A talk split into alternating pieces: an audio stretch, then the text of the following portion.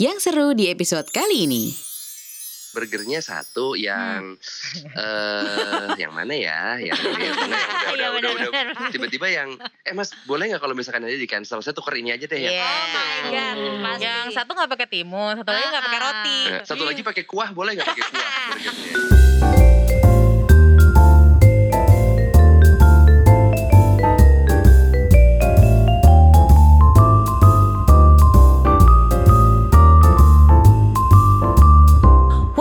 Welcome to Bunda Bunda Relax. Woi, kagak relax woi. Welcome to Bunda Bunda Relax. Mase Mase atas nama Ibu Rena Ibu Rena Saya mbak, saya mbak, saya mbak. Ibu Rena untuk 40 orang ya Bu Eh bukan mbak, salah. Eh, Makan ke sini hambatan 120. banyak duit Ibu Rena ya Kok Banyak. ngajak-ngajak saya makan Eh, banyak dong. Kita Reki mas Terima kasih mbak. Masuk dalam Aduh. Buang di Halo. luar Bangke.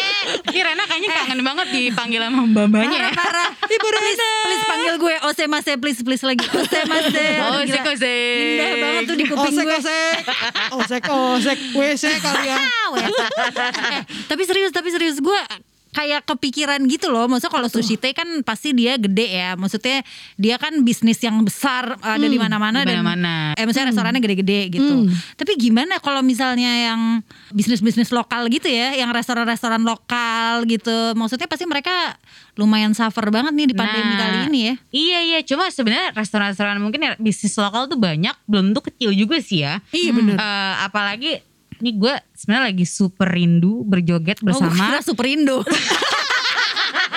Osek mase Daging 30 ribu satu kilo Gila emang karena ah, emak-emak kerjanya belanja mulu ya. Anjir.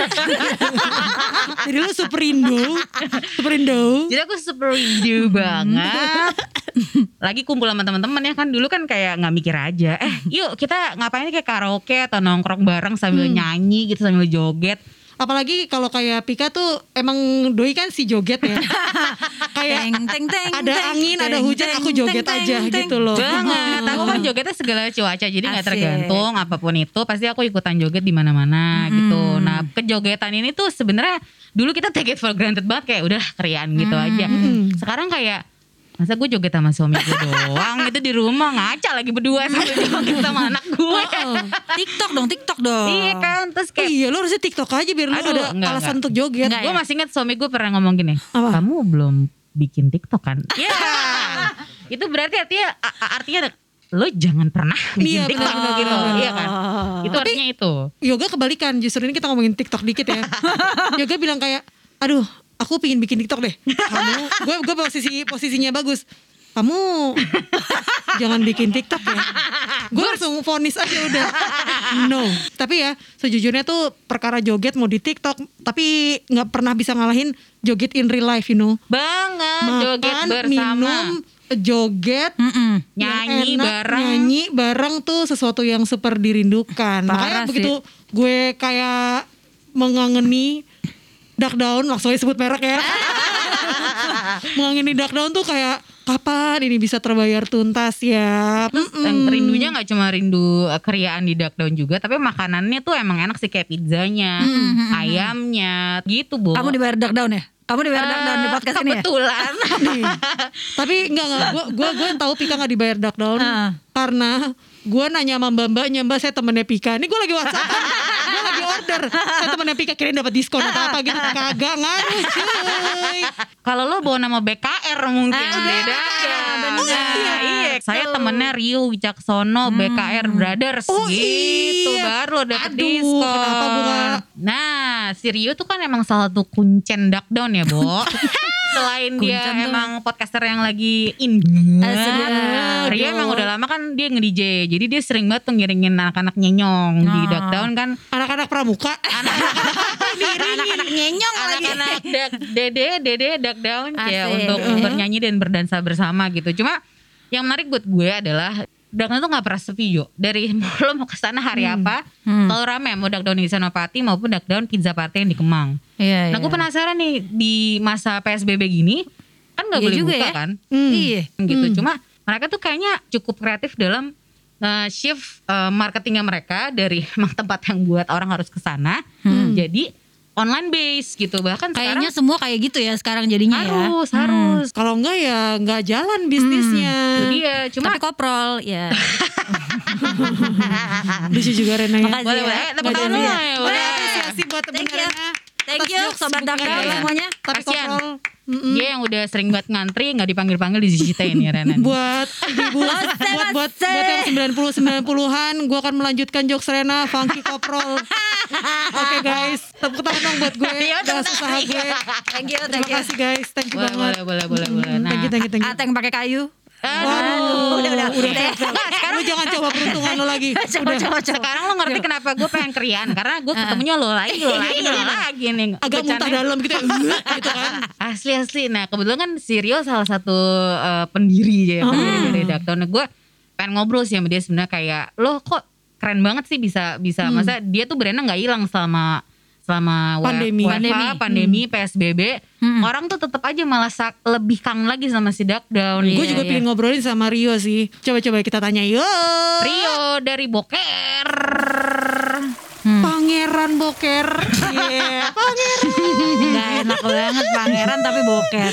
Iya, pangeran Ratunya Boker. siapa? Kalau ada pangeran kan ada raja, ada ratu. Ratunya kira-kira siapa? Ratunya Bobby.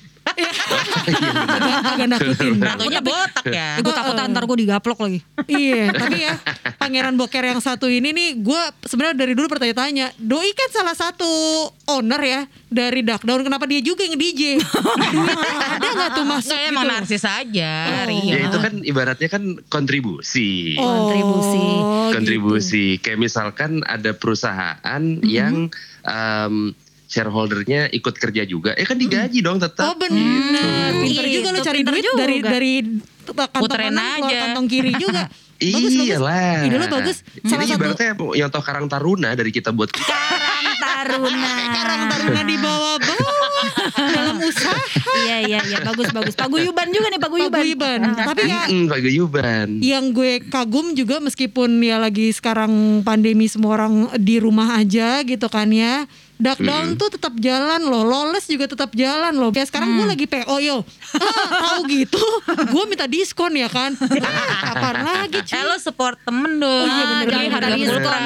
Dua Apa sih? lipat dong. Oh iya bener. Suruh bayar dua kali Iya. lipat gede.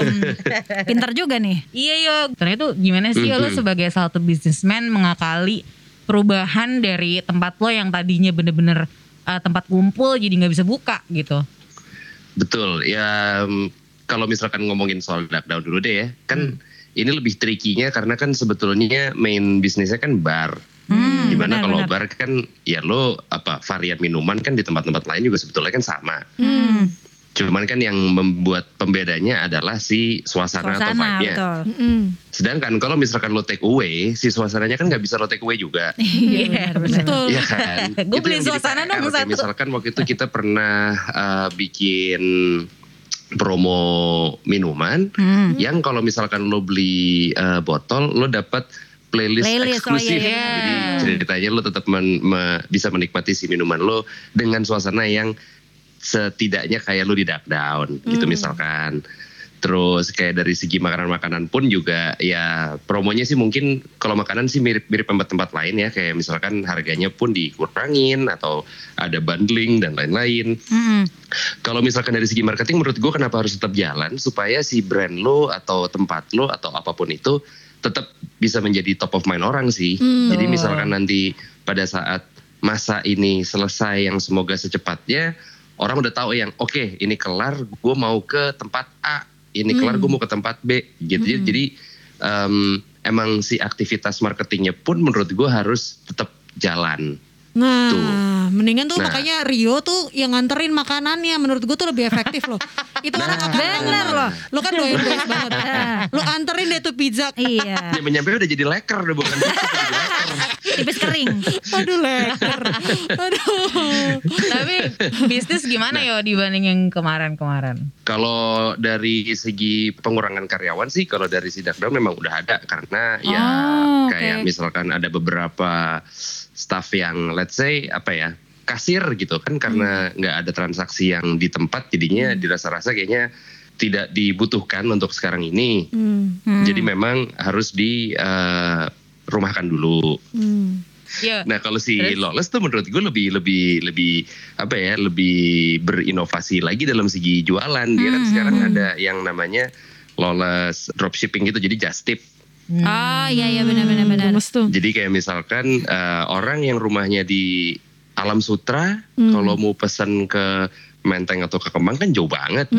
Atau mu- bahkan mungkin si eh, service delivery service-nya pun juga nggak menyanggupi kali ya. Nah akhirnya begitu pas dikumpul-kumpulin kok kayaknya banyak ya gitu. Akhirnya ya mulai di mapping tuh satu-satu kira-kira daerah yang potensial yang mana-mana aja gitu kayak Hmm. misalkan Bekasi atau Bogor tadi yang gue sebutin juga.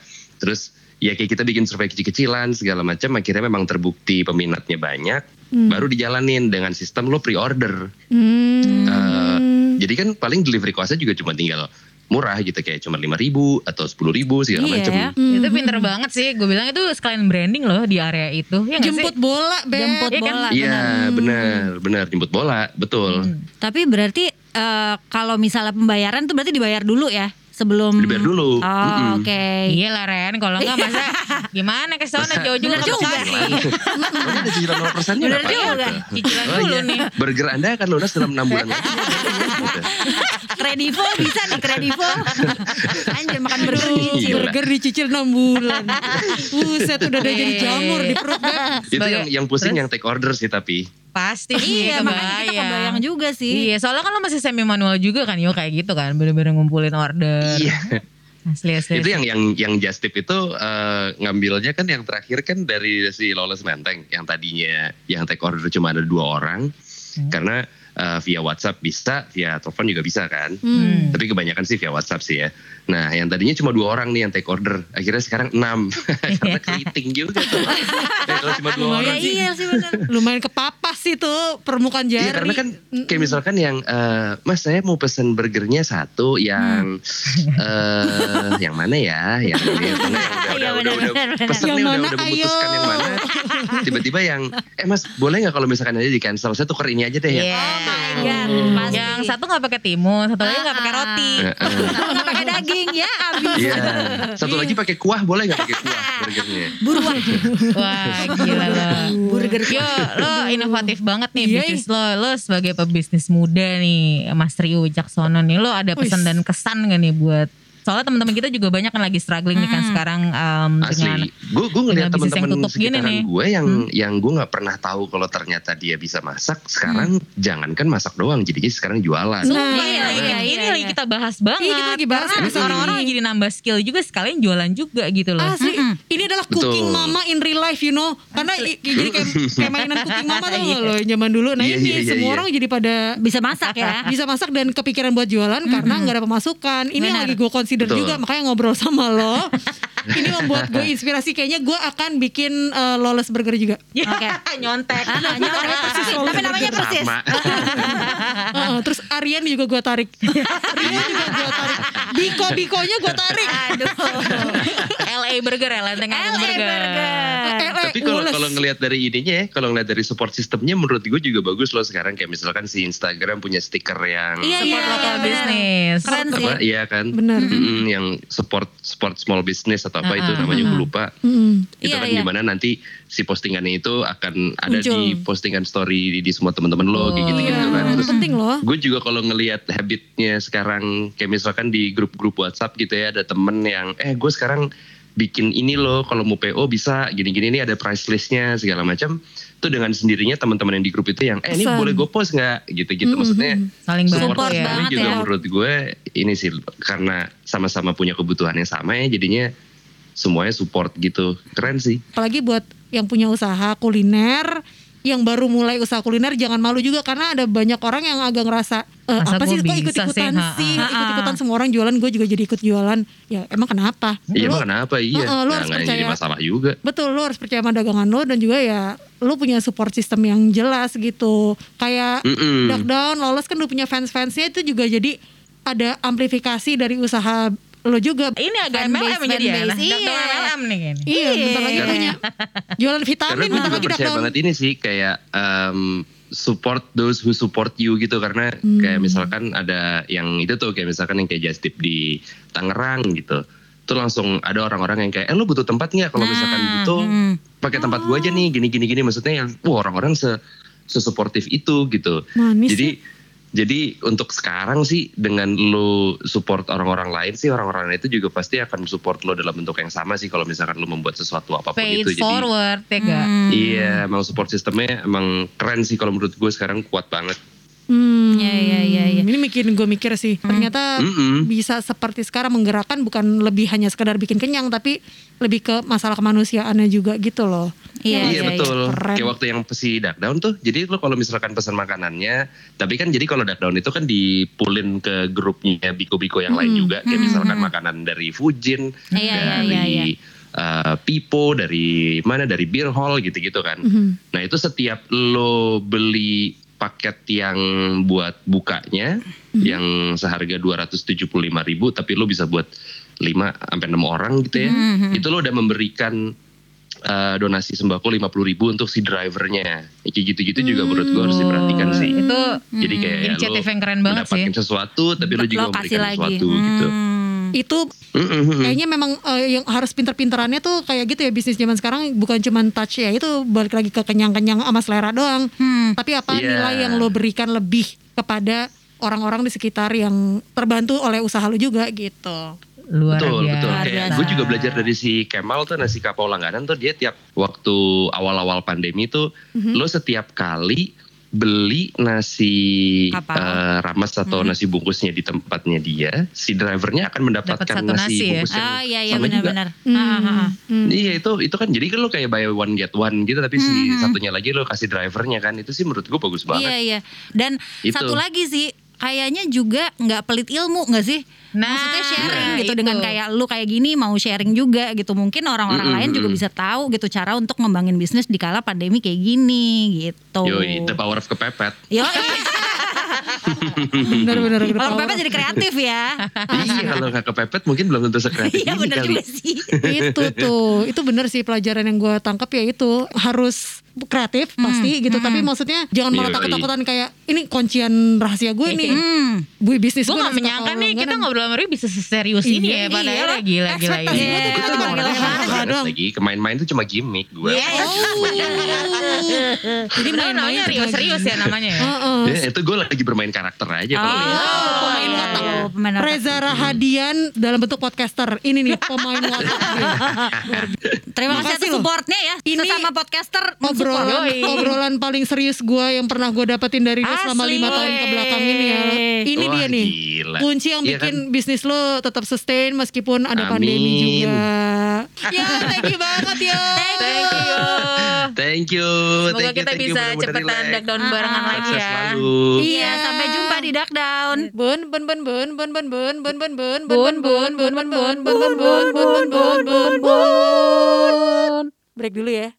Wah seru banget obrolan sama Rio ya. Cara-cara kreatif yang dilakuin sama Rio dan tim tuh bisa jadi inspirasi kamu. Eh Bun Kayaknya kita juga ada temen yang tadi disebut sama Rio deh. Iya, Rio sendiri tadi cerita kan kalau misalnya dia sebenarnya terinspirasi dari si orang ini nih. Uh dia orang Enggak lah Masa Lego?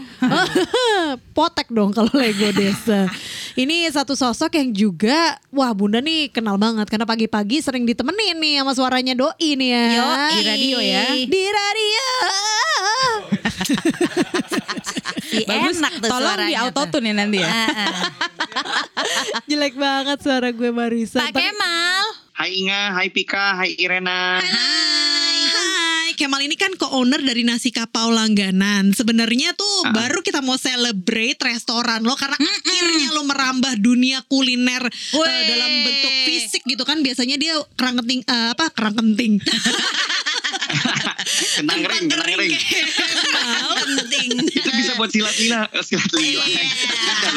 Dia juga slip of tongue. Aduh, tapi mau tahu dong, Ya. lu dengan ini pertanyaannya agak nggak enak sih karena ngomongin soal perasaan ya. itu kata kuncinya perasaan gitu. Ketika buka resto lagi happy-happynya gitu ya, lagi seru-serunya, terus tiba-tiba tahu-tahu ya seperti sekarang gitu pandemi terjadi gitu. Nah itu gimana tuh lo ngadepinnya? Oke, ini gua ralat dulu pertanyaan lo. Lagi Hmm. happy-happynya. Bahkan belum nyampe happy loh. Belum nyampe, seru-serunya loh. Bener sih, bener juga sih. Belum cuan ya. belum happy-happynya itu belum. Aduh. Jadi emang gue itu tutup restoran gue itu dua minggu setelah em, adanya PSBB. Ya. Jadi dua minggu setelah ada info bakal ada social distancing dan lain-lain, gue udah tutup. Bahkan gue tutup duluan coy sebelum eh, sebelum restoran-restoran lain pada tutup, sebelum Hmm. pemerintah bilang tutup, gue tutup duluan. Oke. Hmm. Jadi rasanya gimana? Rasanya sih sedih ya, sedih banget karena ini udah plan. Sabar ya, Pak. Plan udah gitu tenaga, eh, waktu yang udah dikeluarin, ditambah juga dengan budget yang dikeluarin Nah, gitu ya. Tiba-tiba Iya. jer gitu Hmm. ya rasanya campur aduk sih. On the other hand, ada blessingnya juga, ada ada berkahnya juga sih sebetulnya dari pandemi ini. Akhirnya muncullah bisnis-bisnis baru gitu dan bisnis-bisnis yang nggak nggak kepikiran gitu. Yang Hmm. ya gue bisa share di sini sama lu semua gitu, Bo. Mhm. Hmm. Nah ini tuh kayak itu kan Mm-mm. banyak banget tuh sebenarnya cara-cara kreatif dari lo lah untuk eh, ya jadinya tetap jalan gitu jualannya tetap jalan terus eh, orang-orang tetap bisa pesan dengan nyaman itu Ya. apa aja sih yang dilakuin sama nasi kapau langganan kemarin? Nah, yang dilakuin sama nasi kapau langganan, cuy sebetulnya uh, sebenarnya idenya ide udah udah dilakuin sama semua orang. Mm-mm. Uh, cuman uh, bentuknya kan kemarin lebih ke barang. Terus orang itu kan kemarin pas PSBB nggak boleh datang ke apa ke restoran, nggak boleh ke mana-mana. Sedangkan restoran gue cuma bisa take away doang. Kendalanya kan adalah orang langsung mikir gini, Bo. Aduh, gue harus nyimpen duit gue nih karena gue pemasukannya udah nggak kayak biasa. Itu satu. Kedua, ongkir tuh mahal banget pakai ojol. Bener banget. Asli. Gak tau kenapa. Ya kan jadi naik kan Mm-mm. gitu. Terus gue kepikiran deh, nih teman-teman gue yang sudah melakukan just tip cuman barang-barangnya barang branded, ya kan? Seperti tas, Hmm. obat anak, baju anak dan lain-lain yang ada dari mana? Eh, LA, Chicago, Cicahem, Cibeber, ya kan? Agung, Banyak banget tuh kan just tip just tip. Mm-mm. Iya oke, yoi. Terus kenapa gue nggak bikin juga nih just tip? Jadi gue ambil barang gue sendiri, gue punya mobil, gue taruh di titik-titik yang sudah gue tentuin, dan itu justru menjadi uh, bisnis gue jadi tambah jalan dan gue secara apa ya? Secara dapur gue juga lebih aman, Bo. Nah, itu menarik Nah. nih. Jadi kalau misalnya just tip itu kan dipesennya hamin dua nih. Mm-mm. Kayak sekarang ada just tip Bintaro nih untuk hari Senin. Mm-mm. Ini udah gue buka. Gue tutup uh, class order tuh besok jam 3 sore. Art- Artinya apa? Gue udah tahu apa yang gue masak. Bener, gak ada bener, waste, bener, bener. gak ada yang kebuang. Iya benar. Artinya apa? Zero. Zero mubazir. Bener. Alhamdulillah. Semacam PO soalnya kan jadinya Exactly kan. gitu. Mm-mm. Jadi kalau misalnya nggak ada yang pesen ya gue nggak masak. Iya benar Nah, juga sih. Akhirnya dapur gue lebih aman daripada gue gambling, ya kan? Hmm. gitu. Jadi ada satu keuntungan dari si Just Tip ini. Tinggal kita kita kitanya aja ngerajin-rajin untuk uh, nyari titik, untuk Hmm. jualan, untuk drop off ya, bukan jualan karena kita kan nggak buka lapak gitu ya. Hmm. Kita cuma ambil titik untuk orang ambil doang. Gitu, Mm, Bu. mm, mm. Jadi yang bikin gua bisa uh, bernafas sampai sekarang adalah si Just Tip terus dengan ide-ide yang lain. Gitu, ide-ide yang lain contohnya pas kemarin itu gue bikin parcel rendang sama gulai ayam. Nah iya tuh. Nah, udah deh tuh satu pelanggan lu semua kolesterol deh tuh ya. Yoi gitu. Karena gini, gini nggak? Gue kan kemarin uh, sempat ngobrol sama temen gue yang berbisnis kue ya. Dia bilang, Bo, kue itu drop banget tahun ini. Gitu. Hmm. Karena satu market orang untuk pergi ke, ke rumah orang lain udah nggak ada. Udah nggak ada. Iya, betul. Mau ngirim-ngirim Ya kan? juga agak Jadi bingung. kue itu bener-bener drop kata dia. Hmm. Kedua apa? Harga kue sama harga rendang gue 11-12 cuy. Iya benar. Kastengel. Iya benar. Rendang. gulai gue mahalan kastengel cuy. Iya. Bener Iya bener. kan? Iya benar. Ah, ah. Nah terus gue tuh terinspirasi dulu. Gue pernah ke satu restoran Padang Hmm. yang yang terkenal lah udah pasti tahu lah semua orang ya. Hmm. Itu gue pernah sore-sore lagi nunggu rendang gue. Terus ada orang, ya Bo, waktu itu dia beli, dia beli kayak let's say 3 kilo, Mm-mm. terus dibawa sama dia, Hmm. dibentuknya yang kresek gitu ya. Mm-mm. Terus gue pas gue ambil punya gue, gue gue ngegapin orang ini, Bo. Mm-mm. Orang ini di bagasinya dia nge-wrap lagi, dimasukin ke keranjang-keranjang gitu. Oh. Terus gue bilang gini, this guy is doing it wah ini satu business opportunity yang si restoran ini nggak lihat. Kalau lu tambahin keranjang, lu dekor lagi, lu bisa Iya, upscale, lu bisa iya, iya. upgrade Iya harga lu. banget sih. Omset lu lebih naik lagi coy. Gue bilang gitu. So that's what I did gitu loh. Daripada orang pesen kiloan-kiloan terus mereka wrap sendiri atau bahkan ada agennya lagi yang akan uh, ngebikin parcel tersebut, ya gue bikin sendiri gitu. Iya. Dan thank God ya, gue sih awalnya cuma beli kayak 50 keranjang. Kemarin kita sold 120 keranjang. Yoi. double cuan. Dan itu luar biasa sih, responnya luar biasa gitu. Iya Keren sih. banget ya Mal. Gitu sih, Bo, yang gue Hmm, lakuin iya. in order to survive ya. Survive, I will survive. Cuma gue penasaran banget nih Mal kan mm, kalau ngomongin kayak eh, apa namanya lu eh, bikin jasip segala macam itu kan part of eh, service sama marketing gimmick ya kan. Tapi sebelum ke situ sebenarnya kan dibutuhkan customer desire dulu nih buat akhirnya Ya. orang itu mau beli dan mau just tip. Nah itu sebenarnya gue penasaran banget kok lu bisa ya bikin orang kan rendang di masa apalagi kemarin kita lagi lebaran segala macam rendang tuh salah satu yang paling lagi naik lah gitu dan semua orang jualan rendang juga bawa kemarin. Cuma gimana sih lu bisa jadi top of mind gitu mal? Oke, kalau gue gini, awalnya itu gue menggunakan influencer, influencer which is teman-teman gue, ya kan? Teman-teman gue di kantor atau ya semua lah teman-teman gue, teman-teman gue, gue gue minta untuk create awareness. Gue tidak mencari apa-apa dari teman-teman eh, teman-teman gue ini. Gue cuma tolong create, create awareness aja. Gue kirim ke ini, gue undang sini. Nah itu gue punya cuma punya waktu dua dua minggu tuh sebelum ditutup. Hmm. Jadi teman-teman musisi, teman-teman punya radio, MC semua pada datang, gue undang untuk create awareness. Iya. Nah dari situ gue udah tahu tuh, gue cari tuh mana orang-orang yang bisa memberikan impact. oke Nah, ini ini gue gue gue kalau gue ya di kasus gue, gue gue akhirnya mendapatkan satu uh, pola bisnis yang baru nih dalam bentuk promosi. Lu bisa ngirim ke satu artis yang followernya banyak tapi tidak ada impactnya Oke. Hmm. ya tapi lu bisa kirim ke satu ibu-ibu yang bisa ada impactnya para followernya cuma sedikit betul Oke. So jadi gue sekarang gue gini tetap gue gue menganggap gue kirim ke si artis A yang followernya ratusan ribu ya atau sejuta Hmm. gue menganggap itu ada benefitnya. Hanya untuk awareness Hmm. ya tapi ketika sekarang kita ngomongin makanan coy menurut gue yang jauh lebih impact untuk pelanggan adalah micro influencer Yo. Micro influencer itu siapa? Misalnya Ini kita- kita di ini gedung, di gedung let's say satu bank. Ada satu orang namanya Inga. Nah dialah yang orang yang tipe-tipe, eh cobain deh, cobain deh. Nah gue lebih baik pegang itu kok. Pas banget tuh Inga emang suka kayak gitu tuh mal bener. Iya. Jadi yang kayak gitu-gitu tuh. Mungkin ini cara berstrategi untuk bunda-bunda yang sekarang juga muter otak buat nyari uang Yo, gitu ya hmm, dengan berbisnis makanan karena tahu sering dipuji masakannya. Gunakanlah itu yang namanya micro influencer itu ya kan. Iya. Ternyata eh, Dan, tipsnya dan micro influencer itu bisa jadi tante lo kek, Iya, bisa jadi tetangga benar, lo kek, betul. gitu loh. Siapa aja gitu. Nggak usah Ja- eh, karena banyak banget ya menurut gua em, bisnis F&B itu top of mind-nya artis, artis, Hmm, artis, iya, iya, banyak, iya, banyak, Betul. banyak. Itu jujur sih kalau gue impactnya dikit. Itu hanya untuk awareness, Awareness aja, aja. Yes. gitu. Tapi untuk impact potential buyer itu tetap yang menja- mengenerate eh, income-nya adalah si micro influencer itu, Bo. dan ini nih strategi-strategi yang kreatif banget di masa pandemi seperti sekarang. Nah, Yoi. ini kebetulan gitu gue cukup bangga sama lo Cam dengan usaha baru lo ini karena lo tetap bertanggung jawab sama keberlangsungan hidup mereka gitu. Karena karyawannya Ya. semua juga masih bekerja semua ya Cam.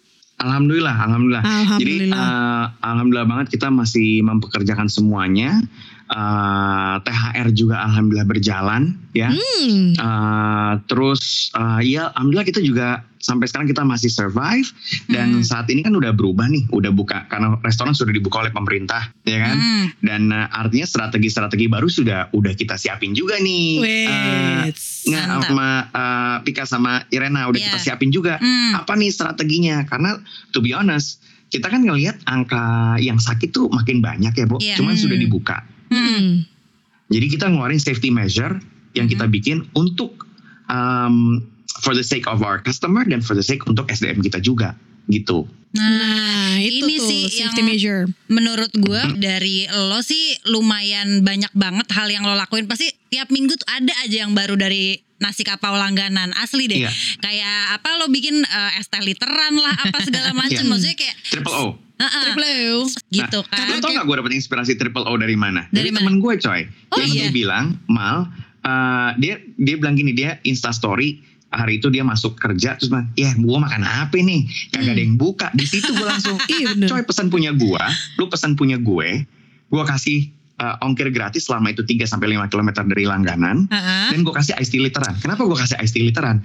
Bo, gue itu kan tadinya harusnya buka buat umum ya, dine in kan. Bener. Gue punya iced tea banyak banget. Oh iya bener juga ya. Iya daripada Ya itu kan jatuhnya Allah, daripada mubazir daripada expire jadi Bener. waste kenapa nggak gue kasih jadi promo aja gitu. Apalagi dia itu menggunakan daun teh pilihan. Bukan teh biasa ya, BTB. Eh tapi Kemal nih kegalauan gue Kem Karena gue minggu pertama baru masuk balik dari WFH Jadi gue udah work from office nih kemarin. Gila loh hari pertama gue sama sekali gak tahu mau makan siang apa. Karena satu mall masih tutup. Oh iya benar. Udah gitu mau gojek bukan ribet lagi banget di gedung gue. Itu tuh Aduh pokoknya Susah ya. karena emang safety measure kan. Jadi tapi juga cukup meribetkan hidup gue sih. Gue kayaknya gak worth it nih. Gue mesti turun menyeberang dulu Buat menemui si ojol gitu. Gue jadi gak makan siang nih Tau gini gue pesen nasi kapau aja. Udah gitu es, Yoi, es teh manis liter Tau gak Gue Gitu. bahagia banget Karena lo tanya semua orang Gue kalau ke nasi padang atau ke mana pun Es teh manis gue gak bisa satu Gue pasti beli tiga gelas Pasti. Nasi Padang itu emang Pasti. sahabatnya adalah teh manis. Merah Jadi jangan khawatir ya ibu-ibu Es teh manis gak bakal kurang sama nasi kapau Nasi kapal Yoi. langganan, mainkan kalau gitu ya. Nah mungkin nih Dan ini ini gue kasih gue kasih ini lagi nih bocoran lagi nih. Apa tuh? Sebetulnya uh, ini buat bisnis yang lain nih gue kasih tau bocorannya. Sebetulnya benefit apa yang lo dapat? Benefit lo jangan ngeliat cuma dari lo ngasih orang 10 langsung lo dapet iced tea.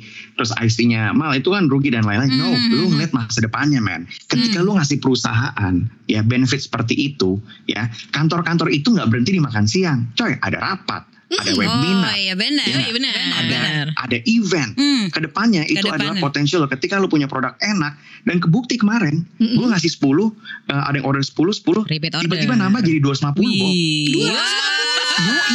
cuanita. Gila loh asli dan ini, gue udah sampai minggu depan full ada yang 150 ada yang 75 Alhamdulillah. oh, itu gara-gara berawal dari kita ya udah gara-gara aja. 10 yang dikirim itu. Jadi semacam ada benefit yang lain gitu loh. Kita, kita Iya. harus mikir bahwa uh, benefit apa yang bisa kita kasih? Sekarang udah nggak bisa zamannya kita ngasih ke datang misalnya ke radio Gen FM gitu. Eh saya ada makanan nih. Ini brosurnya kapan-kapan kalau ada event uh, order ya nggak bisa gitu sekarang sekarang udah harus yang dengan cara yang berbeda agar mereka suka dan mereka mencoba dan akhirnya ya mereka punya event mereka akan pilih lo gitu Ini Wah, ini makanya waduh. jadi nasi kapau tuh jadi top of mind. Betul. Jadi tuh eh, lu pikirin apa benefit yang bisa produk lo kasih gitu untuk pembeli lo. Ini baru satu pesan lo dari Kemal Iya. nasi kapau langganan ya kan.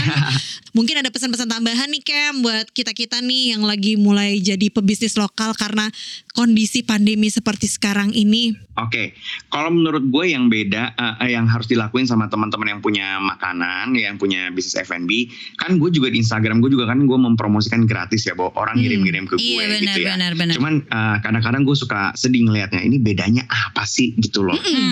Bedanya apa sih? Kalau eh, kayak misalnya deh kemarin kopi, kopi, kopi, kopi, Mm-mm. cuman itu kelihatan di timeline gue dan responnya. Kalau kopinya ada bedanya, ada respon. Hmm. Kalau cuman kopi gula aren doang, pasti nggak ada respon. Iya benar. Gitu. Mawon. Tapi ketika ada kopi ini dan ini, packagingnya berbeda, udah gitu ada flavor yang berbeda, orang ada impact gitu. Jadi di sini gue mungkin pengen ngasih tau sama, gue bukan menggurui ya, karena gue juga di bidang F&B baru tiga bulan coy, gitu ya. Mm. So I don't wanna sound like a smart ass terus Sharing dilihat sama sharing. orang-orang yang kayak set lah baru aja lo gitu ya.